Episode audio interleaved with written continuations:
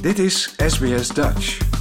Op sbs.com.au slash Dutch staan nog meer interessante verhalen. In december, rond de kerst, kwamen in Queensland zeven mensen om door noodweer en huizen en wegen raakten daar beschadigd. Ook Victoria en delen van New South Wales werden getroffen door hevige regenbuien. En net als de Bureau of Meteorology zegt Ashish Sharma, hoogleraar watertechniek aan de Universiteit van New South Wales, dat deze extreme overstromingen waarschijnlijk zullen verergeren vanwege de klimaatverandering. Yes, the extreme floods will get worse. Uh, but at the same time, um, the soils will get drier.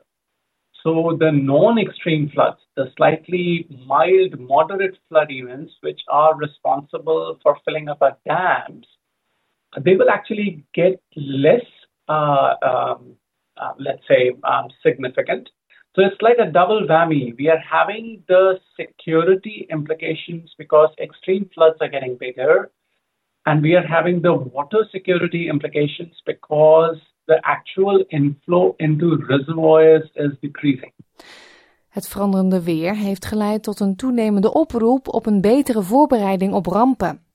William Prentice is directeur van de Floodplain Management Australia afdeling in Queensland. Flood planning is is the is the best defence uh, in that we don't put people in harm's way to start with. Once we have developed parts of the floodplain and established our communities within areas that might be uh, in the way of where floodwaters uh, could inundate our catchments, uh, then we have to look at other measures like structural mitigation, levees, dams, uh, or we need to look at response measures, disaster management, emergency services, that type of thing. So it's always a good principle to avoid putting people in harm's way, to make room for water, uh, and to ensure that our catchments are well managed for the future.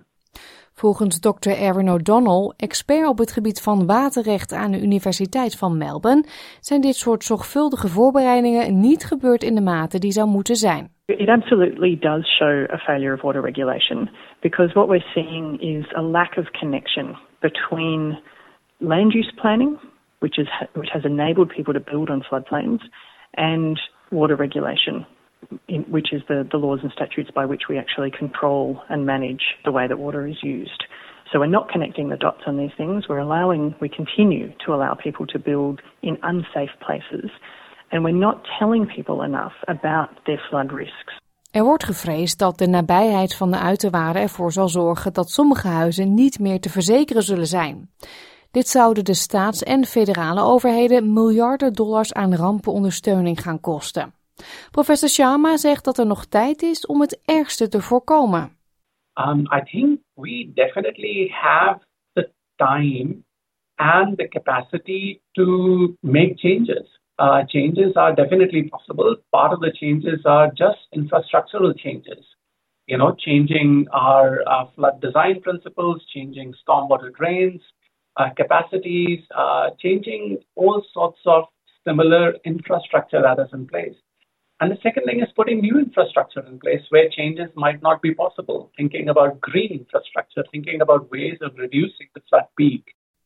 Het Nationaal Kabinet heeft beloofd ervoor te zorgen dat de ontwikkeling niet langer plaatsvindt op uiterwaarden.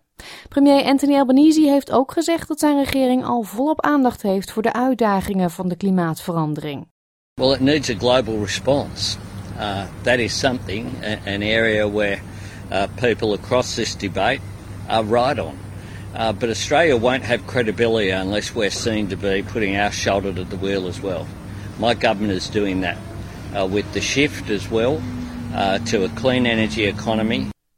Volgens Dr. O'Donnell moet het op een andere manier kijken naar urban engineering serieus genomen worden. At the national level, we've started to see a commitment being made, but we're not seeing that implemented anywhere near far enough or fast enough. Relationships with rivers is something that a lot of people value, and so that brings us into close proximity to rivers. Significantly shifting that would have impacts on property prices. It would be a significant upheaval for a lot of people to move people out of floodplains. So it's a really politicized issue, and that does make it very challenging for governments.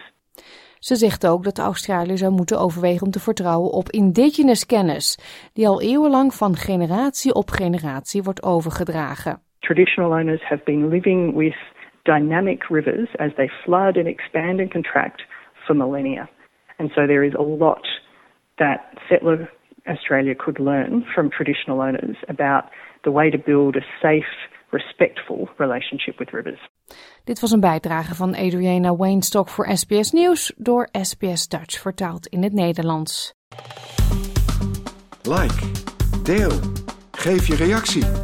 Volg SBS Dutch op Facebook.